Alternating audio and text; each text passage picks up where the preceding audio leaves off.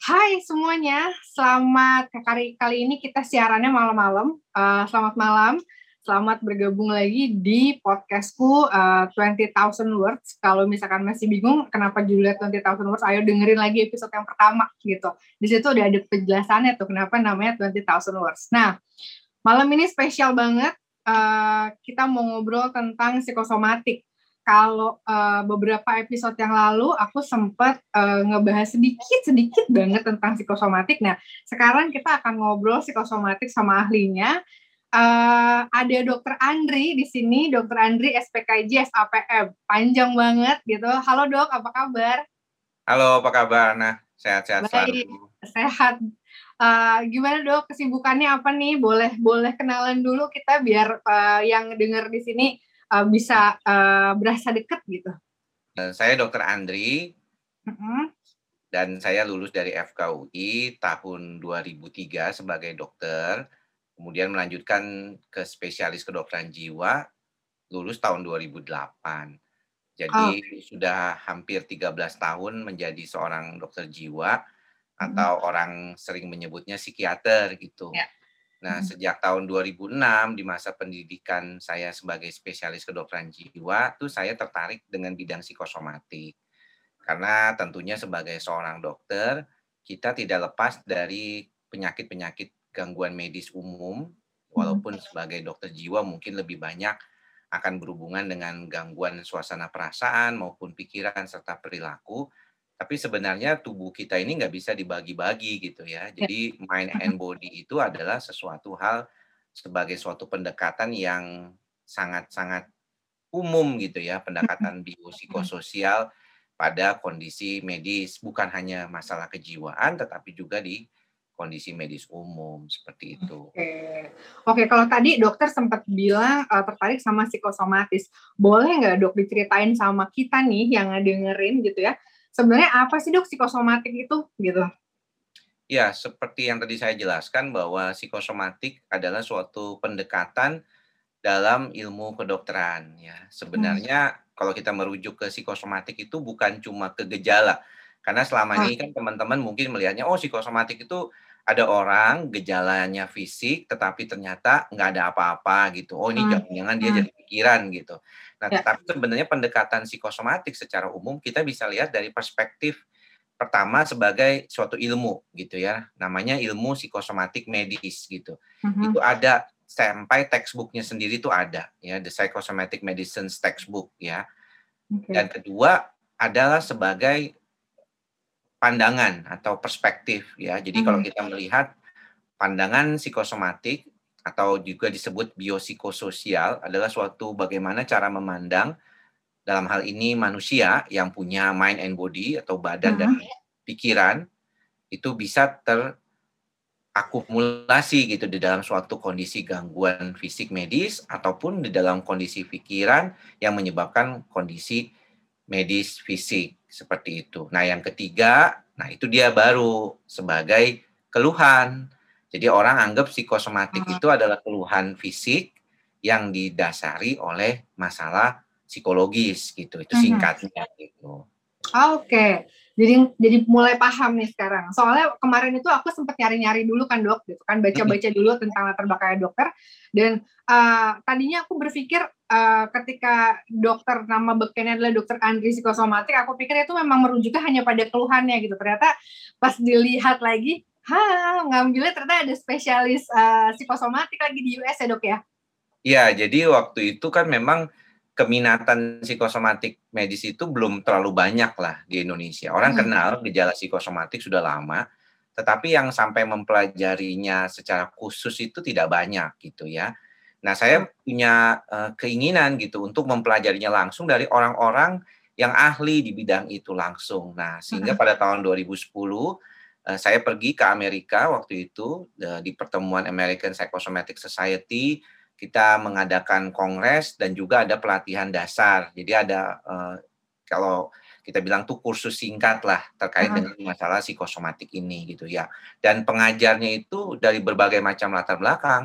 ada seorang dokter jiwa dengan latar belakang yang punya juga latar belakang internis atau penyakit dalam, ada dokter saraf, ada dokter jantung, ya, kemudian juga ada clinical psychologist, ada health psychologist, ya, kalau di Amerika itu ada psikolog hmm. kesehatan namanya, ya. dan memang ada buku teksnya sendiri ya kalau hmm. untuk itu. Jadi eh, semuanya kita mendapatkan perspektif yang secara umum gitu. Nah, kemudian dilanjutkan dengan uh, course-course singkat dari tahun 2012 sampai 2014 hmm. selama tiga tahun berturut-turut di Academy of Psychosomatic Medicine dan akhirnya tahun 2013 waktu itu di Tucson, Arizona, saya mendapatkan pengakuan gitu sebagai Fellow of the Academy of Psychosomatic Medicine. Gitu. Oh, itulah uh, uh, FAPM itu ya. kepanjangan dari itu tadi ya dok ya? Ya betul. Oke, dok kalau kalau ini ini semakin menarik sih gitu karena kalau dulu aku belajar di psikologi ya memang uh, ya mungkin karena nggak mendalam juga ya gitu kalau ngomongin psikosomatis itu pasti ada uh, hubungannya sama kecemasan gitu loh, ada ya. hubungannya sama sama uh, ya ya dia nervous habis itu ya ya kalau ngomongin nervous berarti ada hubungannya sama nervous systemnya kita gitu di di, di ya. otak gitu dok. Sebenarnya kalau misalkan uh, boleh sharing nggak sih dok apa sih sebenarnya yang bikin orang itu jadi uh, tadi punya pengalaman psikosomatis itu ya tentunya dengan ada mind and body mind and body problem itu ya di, di setiap manusia tapi ya. spesifiknya gimana sih dok gitu? Ya sebenarnya itu dimulai dari panca indera kita ya. Jadi kita hmm. ini kan punya panca indera, kemudian panca indera ini mengirimkan sinyal ke otak kita sebagai suatu hal yang memang dikaitkan dengan sistem kerja di otak. Jadi kalau kita mendengar, mencium, ya merasakan, ya melihat, ya sesuatu hal yang negatif atau yang membuat kita mengalami perasaan-perasaan tidak nyaman gitu ya, hmm. itu maka otak kita akan merespon. Nah, otak kita akan merespon khususnya adalah di otak bagian limbik atau sistem limbik. Hmm. Hmm. Yang paling dominan di sana adalah amigdala. Ya. Nah, amigdala ini kalau dia terus-terusan aktif ya uh, oleh karena kita melihat sesuatu yang negatif, mempersepsikan sesuatu itu menjadi negatif ya. Uh, kita belajar dari pengalaman-pengalaman kehidupan kita bahwa hal-hal yang kita alami itu adalah suatu hal yang tidak nyaman atau negatif, maka dia akan terus melakukan kerja gitu ya karena bertujuan untuk menyeimbangkan. Nah, kalau dia dalam posisi akhirnya kelelahan, amigdala ini akan membuat sistem-sistem di otak kita itu akan mengalami perubahan juga khususnya terkait dengan sistem stres. Nah, sistem stresnya itu apa aja? Banyak. Ada yang berkaitan dengan HPA aksis ya, hipotalamus pituitary adrenal, sehingga kalau misalnya dia aktif, dia akan menghasilkan hormon stres yang berlebihan yang namanya kortisol.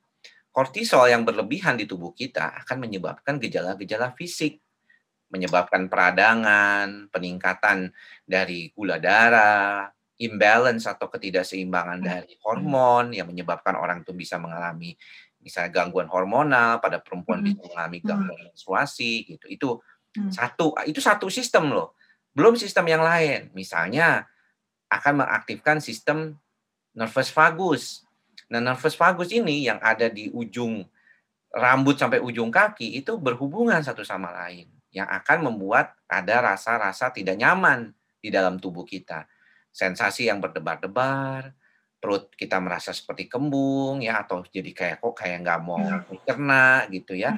Kemudian juga ada masalah pencernaan, kemudian juga ada masalah yang berkaitan dengan sistem berkemih gitu ya. Mm. Kemudian nanti ada lagi sistem yang berkaitan dengan namanya sistem saraf otonom yang ya. mengaktifkan sistem parasimpatis dan simpatis. Nah, di dalam tubuh kita itu simpatis dan parasimpatis seperti kayak rem dan gas gitu ya. ya. Nah, rem dan gas. Jadi kalau kita uh, simpatisnya terlalu aktif, maka kita tuh kayak ngegas terus gitu. Kayaknya kencang terus badan kita gitu ya.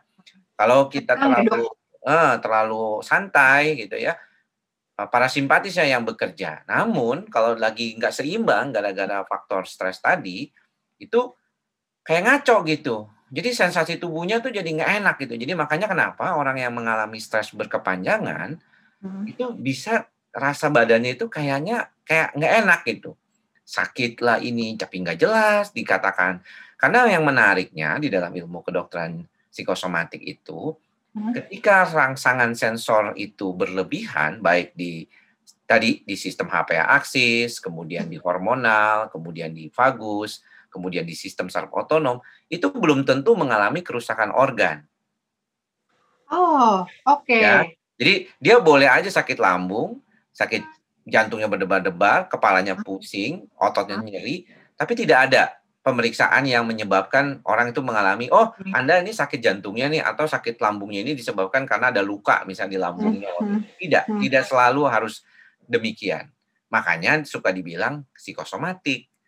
Kenapa? Karena ada gejalanya, diperiksa nggak kenapa-napa. Nggak kenapa-napa. Oke. Okay. Nah, karena waktu dulu-dulunya tuh konsepnya kedokteran itu kan lebih ke biomedis ya. Jadi ya. pokoknya kalau Anda sakit berarti ada ada sesuatunya, ada ya. kuman kah, ada virus, uh -huh. ada yang organnya ngaco, rusak kayak ya. gitu. Nah, kalau kedokteran psikosomatik itu dia lebih dominan ke sistem saraf sensorik dan motoriknya, tetapi tidak selalu harus ada kerusakan. Jadi ketidakseimbangan hormonalnya bisa terjadi, tapi tidak sampai rusak hormon okay. sistemnya itu sendiri atau penghasil hormonnya sendiri gitu. Jadi kadang-kadang orang suka bingung, kata kalau sakit kenapa nggak ada yang rusak, atau nggak ada yang nggak ada yang salah diperiksa. Memang belum sampai begitu, gitu. Hmm. Tapi sensasinya itu seperti kayak orang sakit beneran kayak gitu. Emang beneran nggak enak badannya gitu. Berarti sebenarnya psikosomatik ini uh, dibangun atau atau terbentuknya itu memang jangka panjang ya dok ya, bukan baru-baru kemudian baru psikosomatis gitu ya dok ya? Ya,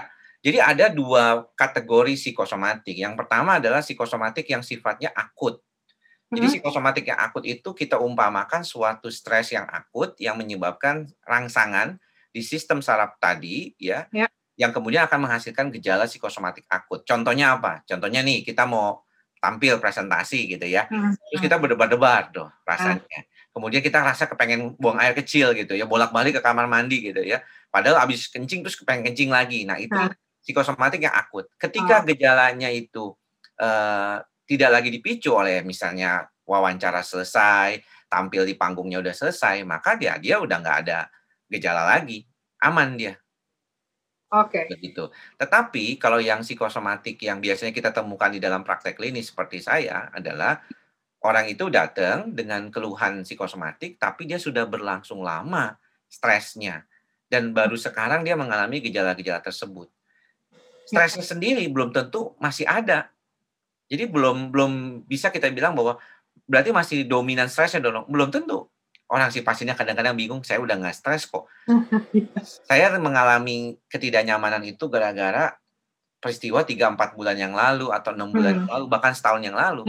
Dulu waktu mengalami gejala kecemasan, takut misalnya atau ada stres yang itu itu nggak ada gejala psikosomatiknya loh malah dok katanya. Kenapa baru sekarang ada? Saya dulu nggak ngerasain loh. Nah saya bilang ya betul karena ada yang namanya kondisi yang berkaitan dengan keadaan yang disebut sebagai adrenalin system yang bekerja yang membuat waktu itu orang itu tidak merasakan gitu. Hmm. Oke, okay. uh, eh, gini dok, uh, ini ini ini seru banget nih karena uh, ada banyak pasienku datang gitu ya. Uh, hmm. Tadi kayaknya kayaknya kalau kalau tadi dari penjelasan dokter uh, psikosomatik akut dan apa satu lagi bolehkah aku bilang kronik dok yang ya, yang kronis yang kronis. kronis. Ya, uh, akut dan kronik kayaknya aku lebih lebih banyak yang dapat akut gitu loh kalau di pasien tapi hmm. kalau dari sisi keluarga ini kayaknya gitu ya lebih banyak yang kroniknya nih gitu nah ada nggak sih dok kalau misalkan di di psikosomatik kronik sendiri itu ada jangka waktunya nggak sih maksudnya uh, uh, dia baru dia psikosomatisnya sekarang itu hmm. berarti uh, mungkin kejadiannya uh, beberapa tahun yang lalu atau memang kalau kejadiannya dari mulai dia kecil jadi mungkin tadi hmm. yang uh, sistem uh, apa uh, syaraf uh, simpatik parasimpatiknya gitu ya uh, syaraf simpatiknya mungkin ngegas mulu dia tegang terus dia gitu uh, itu terjadi dari kecil tapi baru sekarang uh, ada kondisi psikosomatiknya itu mungkinkah sepanjang itu uh, rentang waktunya dok? Ya, jadi kalau kita bilang manusia itu kan punya sistem adaptasi ya hmm. uh, generalized uh, adaptation syndrome atau general adaptation system ya. gitu ya kalau kita bilang gitu di dalam di dalam konteks ini. Jadi artinya nggak semua stres itu akan menyebabkan gejala psikosomatik kan. Ya, kan? oh, kita iya. kita mengharapkan stres kan malah kadang-kadang ya, untuk ya. membuat ya. kita tuh bekerja lebih baik gitu ya. Jadi optimum stres itu sesuatu hal yang bagus ya. Malah kalau kita leha-leha nggak jelas kita jadi nggak ada rasa kepingin mau melakukan sesuatu kita jadinya nggak ada kerja gitu kinerja kita jadinya nggak nggak bagus nah. gitu ya. Nah. Namun ketika itu melewati, nah ini, nah kalau tadi diingat ya teman-teman uh, mendengarkan kata-kata saya yaitu persepsi negatif. Maksudnya apa? Maksudnya adalah bahwa belum tentu suatu hal yang sama atau stresor yang sama itu dirasakan sama setiap orang. Ya kan? Misalnya tadi tampil di muka umum. Bagi hmm. orang yang senang tampil di muka umum, saya misalnya, saya sih nggak problem gitu. Saya ada stres sedikit ya waktu itu kalau misalnya apalagi kalau tempatnya baru, oh, hmm. topiknya belum saya kuasai banget, pasti ada lah stres. Tapi kalau misalnya saya topiknya saya kuasai, saya ngomongnya dengan orang-orang yang saya sudah kenal gitu ya, saya nggak ada stres sama sekali mungkin. Saya lakukan itu dengan santai. Tapi buat orang lain, peristiwa yang sama bisa membuat dia takut ataupun mengalami ya. stres bahkan jauh sebelum peristiwa itu datang kayak gitu. Dia hmm. pikirin terus begitu. Nah, hmm. Kalau di dalam kehidupan dia mendapatkan situasi-situasi yang dia selalu persepsikan negatif, maka nggak heran otak dia akan terus-terusan bekerja. Okay. Begitu kan? Jadi hmm. artinya maksudnya begini. Nanti buat ke depannya yaitu saat terapi kita tahu bahwa persepsi ini harus diubah dulu ada ya. kan orang yang merasa bahwa ah semuanya itu jelek, semuanya itu kurang bagus. Dia ini kurang, apa kurang, ini ya. sel, apa selalu nggak merasa nyaman. Jadi artinya kalau kita bisa bilang bahwa dia mempersepsikan semuanya negatif, maka dia nanti akan mendapatkan hasil yang negatif gitu. Ya. Sedangkan situasi itu atau peristiwa itu belum tentu dirasakan negatif, bahkan sesuatu yang sifatnya traumatik sekalipun. Okay. Dia orang kalau misalnya bilang misalnya contoh yang paling klasik. Uh. Saya nih waktu masa kecil sering dibully dong. Misalnya dia bilang gitu ya. Uh. Dan setelah dibully itu saya merasakan sampai sekarang tuh masih keingetan terus sama dia.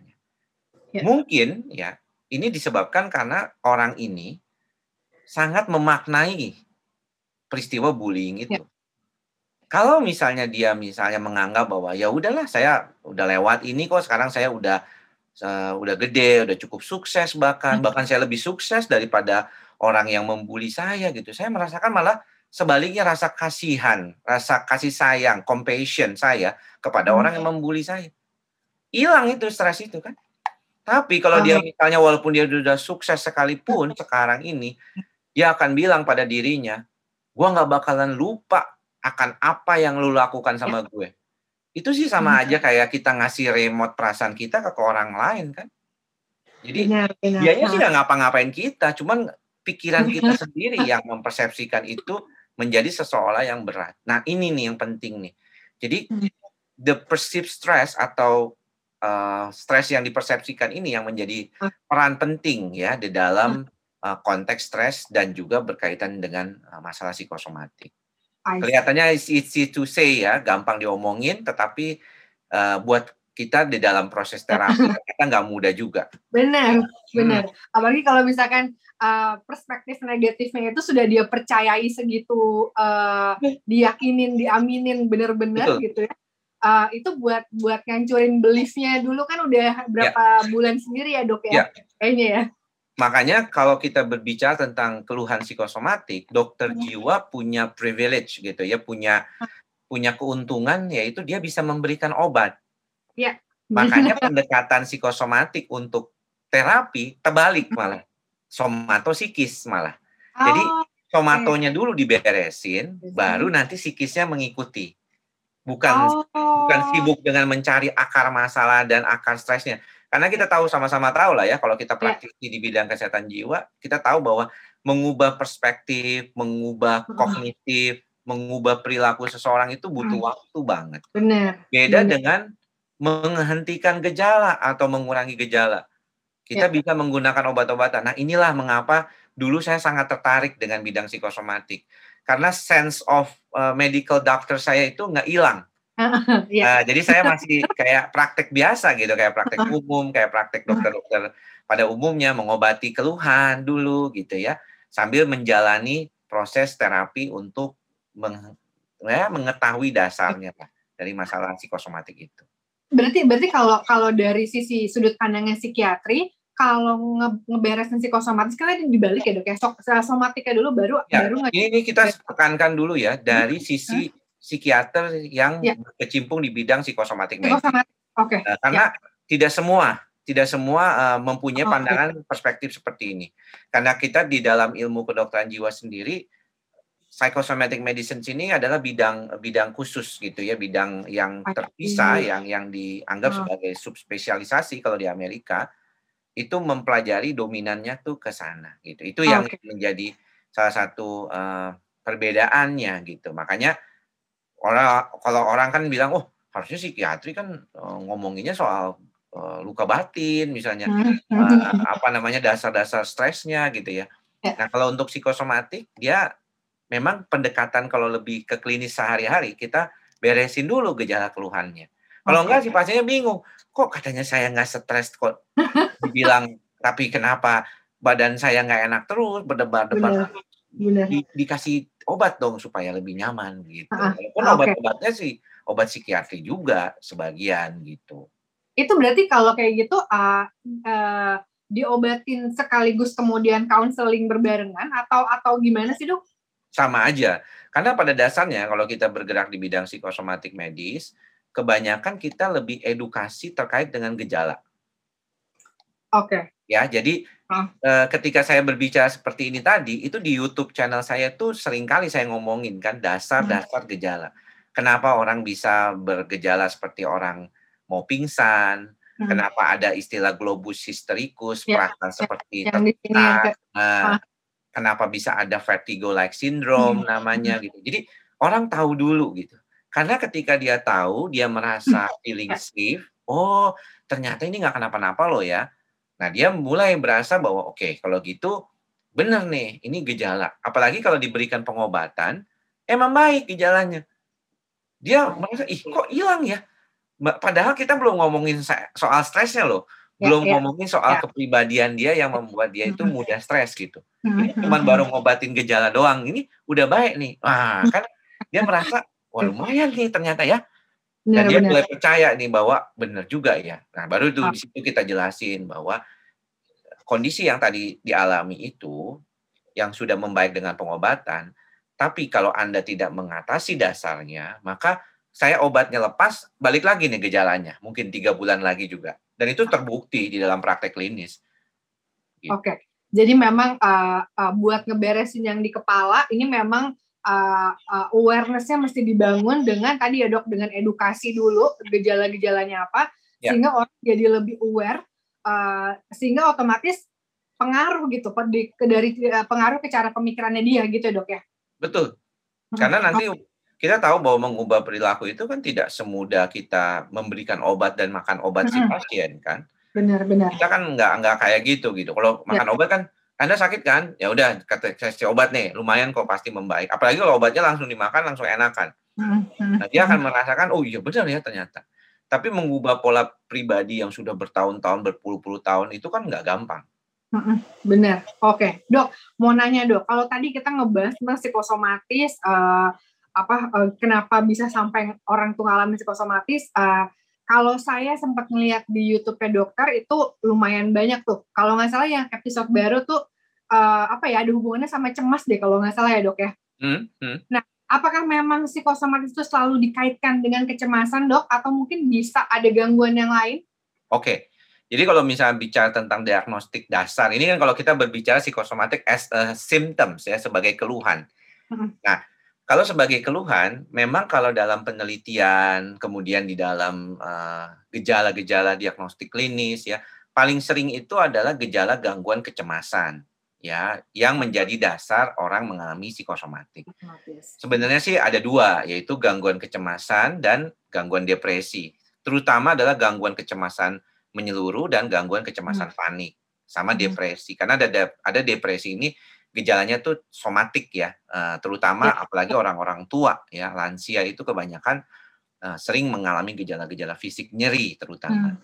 Nah, hmm. itulah mengapa menjadi dasar. Jadi orang tuh suka masih bingung gitu. Saya susah juga sih kadang-kadang menjelaskannya uh, untuk awam gitu. Jadi uh, sebagai keluhan, kalau tadi kan kita lengkap ya ngejelasinnya sebagai keluhan, sebagai keilmuan, sebagai perspektif.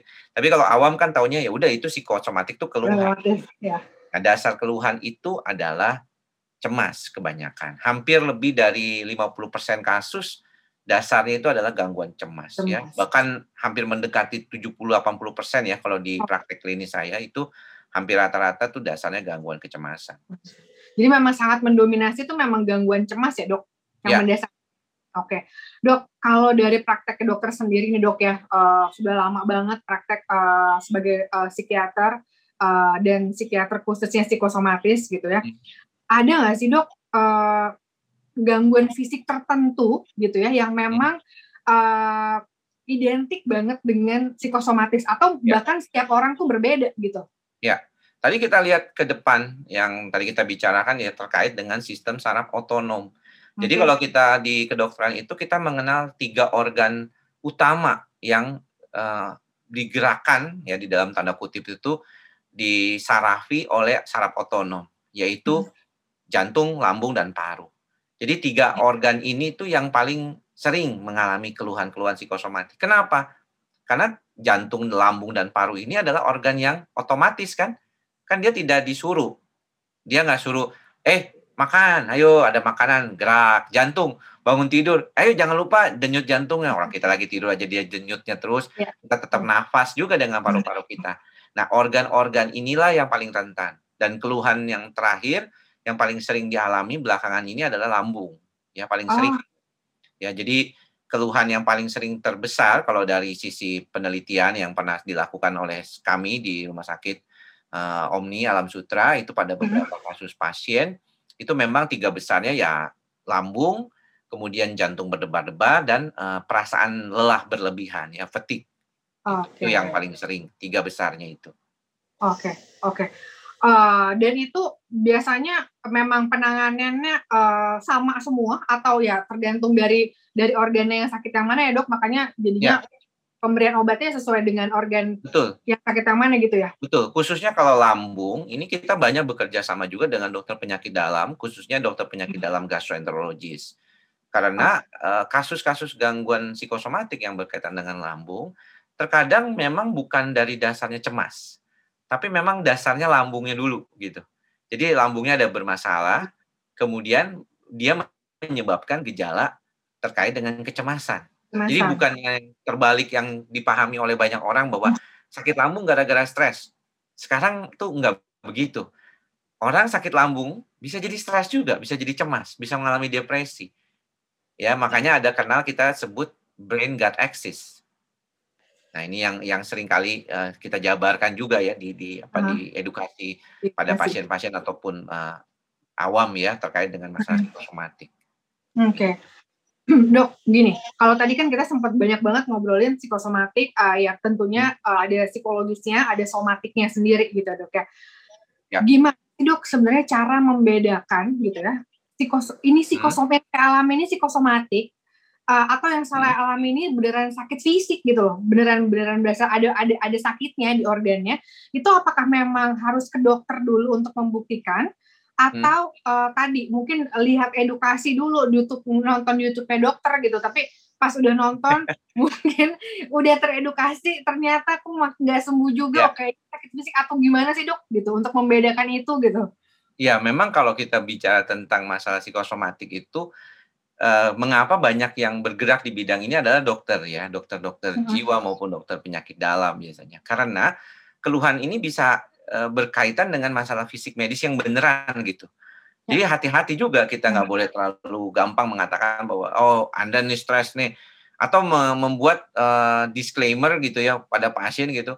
Uh, padahal pasiennya sendiri yang yang yang lebih kayak ini saya kayaknya stres nih dok, kayaknya stres gitu. Jadi ada tuh pasien yang suka begitu ya, mem membuat dirinya lebih dominan stresnya. Padahal ketika kita iya. lihat patofisiologinya, no, ini ini sesuatu yang sifatnya medis fisik, ya, medis fisik kita bisa bedakan gitu ya. Nah, apa nih uh, yang menjadi kentaranya gitu ya, uh, sehingga harus dilihat kondisi ini. Biasanya keluhan itu yang hilang timbul. Jadi kalau keluhan itu hilang timbul, kemudian uh, sering berpindah-pindah, itu kita harus curigai ada gejala yang berkaitan dengan psikosomatik. Apalagi ya terjadi pada orang-orang yang punya kecemasan atau latar belakang kepribadian kecemasan yang tinggi. Ya, ya, ya. Begitu. Jadi itu yang paling penting diutamakan. Namun sekarang dalam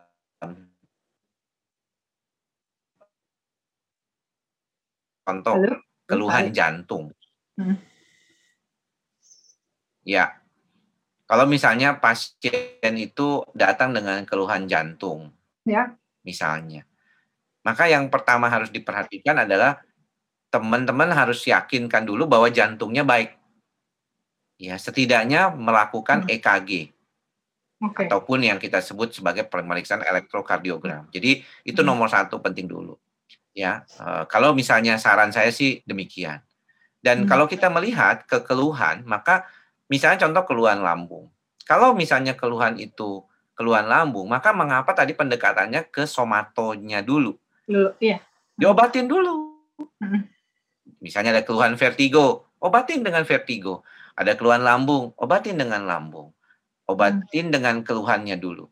Namun kalau misalnya dokter yang merawat, apa, merawatnya itu mengatakan bahwa ini kayaknya nggak ada problem yang terlalu dominan sih ya dan nggak sesuai gitu patofisiologinya. Nah, nah. nah itulah kita uh, berpikir itu apakah ini mengalami suatu kondisi psikosomatik. Ya, Saya suka bilang juga ke teman-teman dokter, uh, memang agak sedikit membuat suatu uh, apa ya pernyataan bahwa Anda ini sebenarnya baik-baik aja dan Anda kayaknya uh, butuh ke dokter jiwa gitu ya. Itu agak agak berat gitu teman-teman sejawat yeah. itu.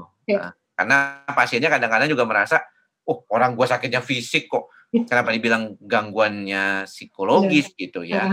Atau bahkan dianggap gila gitu ya orang yang dianggapnya kan begitu stigmanya. Yeah. Tapi ya sekarang sih uh, lumayan lah. Uh, udah mulai orang pada memahami walaupun masih lebih membawanya ke ranah psikologisnya lebih dominan daripada somatonya. Jadi pendekatannya jadinya akhirnya tetap psikologis dulu gitu dipentingin. Mm -hmm. Okay, Dan itu kadang-kadang uh, tidak berba, apa, berdampak baik buat pasien. Karena pasien mm -hmm. itu merasa, oh orang saya ini datangnya dengan keluhan fisik kok. Kenapa Anda yep. jadi sibuk uh, ngurusin masa lalu saya segala macam gitu. Itu itu yang pendekatannya agak sedikit berbeda uh, dengan yep. dengan dengan pasien-pasien yang psikosomatik kayak gitu. Ya, ya, ya, benar-benar benar. Ya dok, di di tempatku praktek itu juga hmm. gitu. Jadi untungnya uh, di poli jiwa gitu di di puskesmas gitu ya. Uh, aku partneran sama uh, dokter umum yang memang sudah belajar tentang uh, psikiatri tapi dasar-dasar gangguannya gitu loh dok. Jadi jadi yeah. Ya. uh, belum tentunya belum SPK aja lah gitu. Nah uh, ini tandeman banget nih dok gitu karena kalau misalkan memang tadi kaitannya sama psikosomatis uh, pasti kerjanya mesti jalannya bareng berdua gitu loh. Jadi memang obatnya jalan, konselingnya uh, jalan gitu. Karena mungkin dia perlu perlu ngeluarin unek-uneknya dulu tuh yeah. biar biar lega gitu. Yeah. Gitu dok. Uh, aku mau mengulang sedikit dok. Tadi soalnya sempat ada ada uh, apa freeze ini ya? Iya uh, tadi. Uh, kalau kalau uh, tadi cara membedakannya salah satunya adalah kalau psikosomatis itu uh, gejalanya hilang timbul. Eh yang dirasakan tuh hilang timbul. Betul begitu ya, Dok ya? Ya, jadi keluhan psikosomatik itu biasanya keluhannya itu hilang timbul, hmm. terus berpindah-pindah tempat kayak gitu. Dan okay. sebenarnya tidak tidak terlalu yang mengkhawatirkan kita itu adalah sebenarnya keluhannya tidak terlalu kelihatan berat. Karena kalau kita dokter itu kita bisa lihat kan misalnya contoh nih, hmm. ada pasien uh, mengalami gangguan uh, berdebar-debar gitu ya, hmm. sering mengalami serangan panik berulang disertai gejala lambung kayak gitu. Itu hanya terjadi pada saat dia serangan panik. Sedangkan kalau misalnya dia memang sakit lambung yang berat, misalnya ada tumor atau apa hmm. gitu ya, hmm. itu pasti nggak hilang timbul gejalanya, itu terus menerus. Oke. Okay. Logisnya begitu kan. Jantung juga demikian kan. Biasanya kan kalau orang kena serangan panik itu gejalanya lebih dominan terjadi pada saat dia lagi nggak ngapa-ngapain juga kena gitu, lagi hmm. santai-santai. Hmm. Sedangkan kalau misalnya orang yang mengalami gangguan eh, serangan jantung biasanya tuh saat aktivitas berat. Makanya orang banyak yang meninggal karena serangan jantung itu saat dia lagi olahraga kan biasanya. Oh. Kayak gitu. Jadi sebenarnya itu. Namun yang perlu dipahami itu tadi tetap pemeriksaan dasar klinis itu ya. harus dilakukan. Harus dilakukan ya. Ya. Hmm. Oke. Okay. Gitu. Hah, menarik sekali uh, cerita tentang psikosomatis ini gitu ya. Apalagi uh, kayaknya akhir-akhir ini banyak banget nih yang yang uh, dapat curhatan dari teman. Kebetulan ibuku kliennya nih juga bakal aku kirim ke dokter nih untuk untuk di dicek karena karena itu dok maksudnya uh, yang beliau rasakan adalah nyeri di dada tapi hmm. semua hasil EKG, uh, scan jantung semua baik-baik aja gitu loh. Hmm. Uh, dan ketika datang sempat datang ke internis gitu, udah dikasih obat yang optimal, hmm. tetap masih berasa gitu loh. Nah, ketika ketika dibawa ke puskes gitu kan EKG lah minimal supaya kami lega gitu keluarga-keluarga hmm. lega DKG sampai puskesmas reda gitu kayak enggak kenapa kenapa sih gitu kan terus hmm. uh, ini yang kayak gitu, -gitu dan dan tadi gitu kalau dengar dari dokter aku jadi mikir iya sih beliau ini memang tipe yang sangat pencemas jadi memang kepribadiannya memang neurotik banget dok gitu jadi hmm. memang kayaknya kayaknya memang itu sangat berdampak nih ya gitu dengan ya.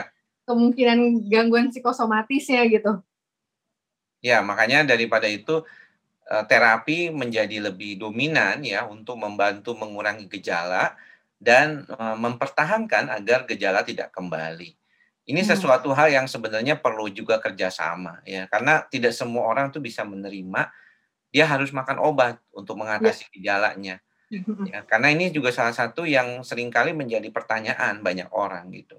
Saya bilang pada dasarnya kalau psikosomatik ringan ya. Anggaplah ringan gitu ya, eh, walaupun nggak ada sih istilah itu sebenarnya di dalam diagnostik klinis ya. Tapi anggaplah ringan. Ringan itu sebatasnya apa?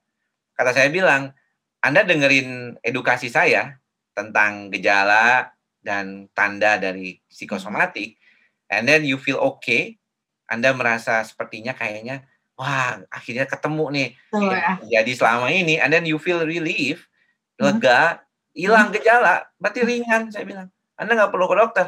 Itulah tujuan saya membuat YouTube channel sebenarnya, yaitu buat pasien supaya nggak datang ke dokter. Tapi hmm. kalau Anda terus-terusan gejalanya, berulang, kemudian sampai fungsinya terganggu, ya hmm.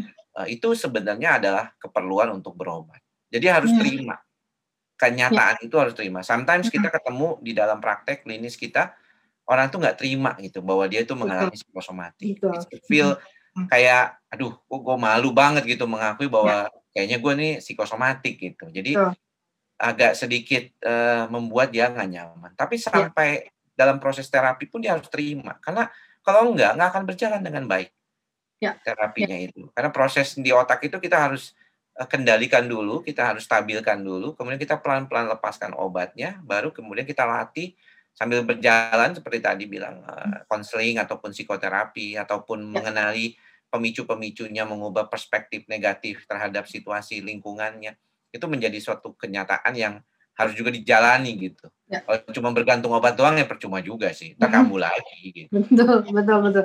Berarti memang kalau uh, kalau ada istilah mind and body problem gitu ya. Jadi uh, kalau yang dirasain di pikiran berasa di uh, ya. badan ataupun segitu sebaliknya, ini juga juga uh, diubah jadi mindnya dibenerin uh, uh, badinya mungkin akan benar begitu juga sebaliknya gitu ya dok ya jadi memang ya. perlu juga kerjasama dari mind and body kerjasama dari pasien dan uh, hmm. dokternya gitu ya supaya pengobatannya efektif gitu ya dok. Ya pendekatannya itu kita nggak bisa uh, walaupun tadi saya bilang somatonya dulu yang diberesin hmm.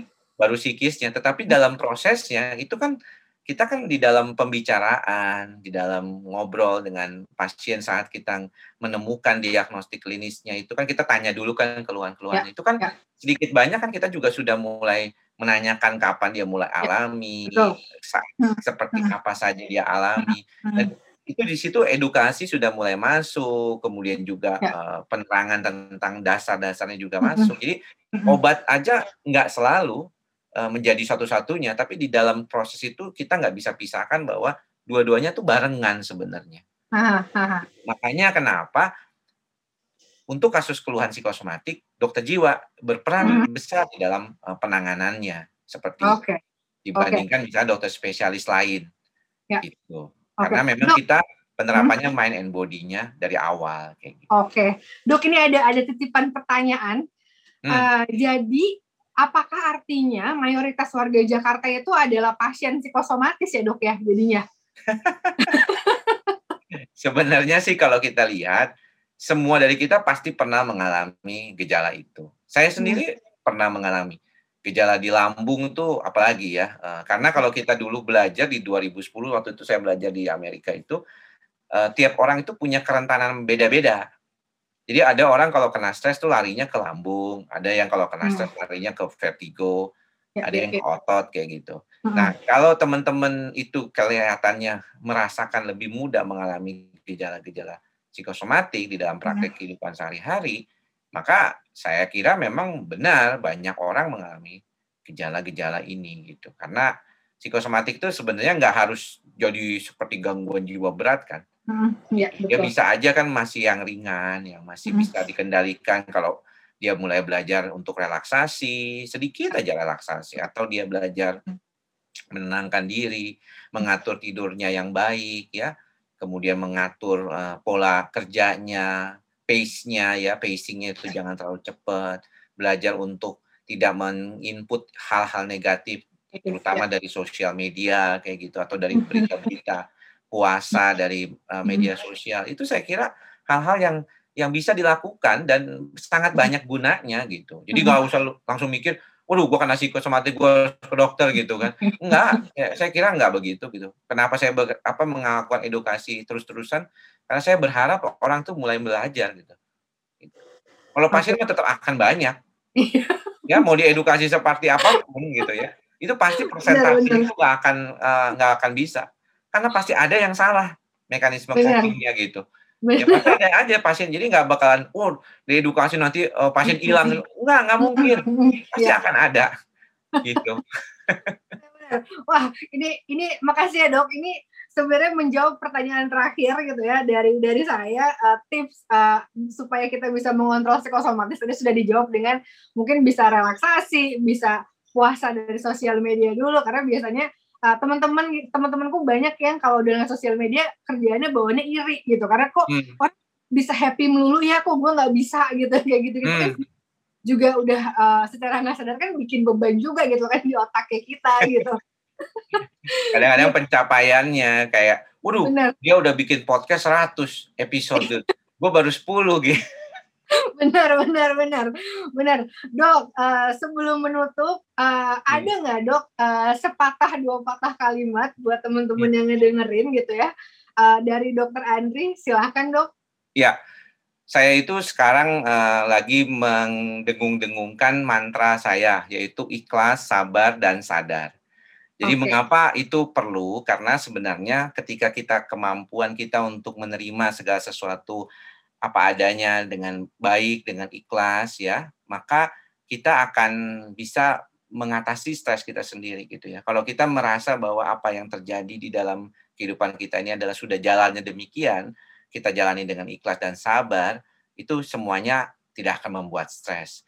Nah, sadarlah bahwa sesuatu itu segala macamnya itu bisa diusahakan memang nggak selalu gifted gitu ya. Misalnya, waduh, udah dari sononya nih kayaknya tahan terhadap stres tidak begitu ya. Tetapi kita harus sadar bahwa ada hal-hal tertentu yang bisa membuat kita tuh mudah mengalami gejala-gejala psikosomatik kalau kita belajar untuk mengenali gitu. Oh, ternyata nih kalau saya ini nggak boleh nih terlalu intens misalnya buka sosial media. Harus ya. belajar untuk mengurangi. Ya, sadar diri kan berarti dia kan. Ya. Nah, itu walaupun dia udah belajar tuh mau ikhlas nih orang lain lebih maju daripada gue deh nggak apa-apa deh. Tapi kadang-kadang susah juga ya manusia nah, tapi kalau dia oh ya udah sadar deh kalau gue emang agak irian orangnya. Ya belajar deh untuk ngurang-ngurangin irinya tapi juga belajar untuk mencoba memat, apa ya membatasi lah uh, ya. apa proses bagaimana supaya jangan sampai terjadi uh, kecemasan atau pikiran-pikiran negatif akibat dari kehidupan kita sehari-hari. Itu aja oh. intinya Sip. Ikhlas, sabar, sadar ya dok? Ya. Ya. Duh, berasa kegampar nih jadinya. untuk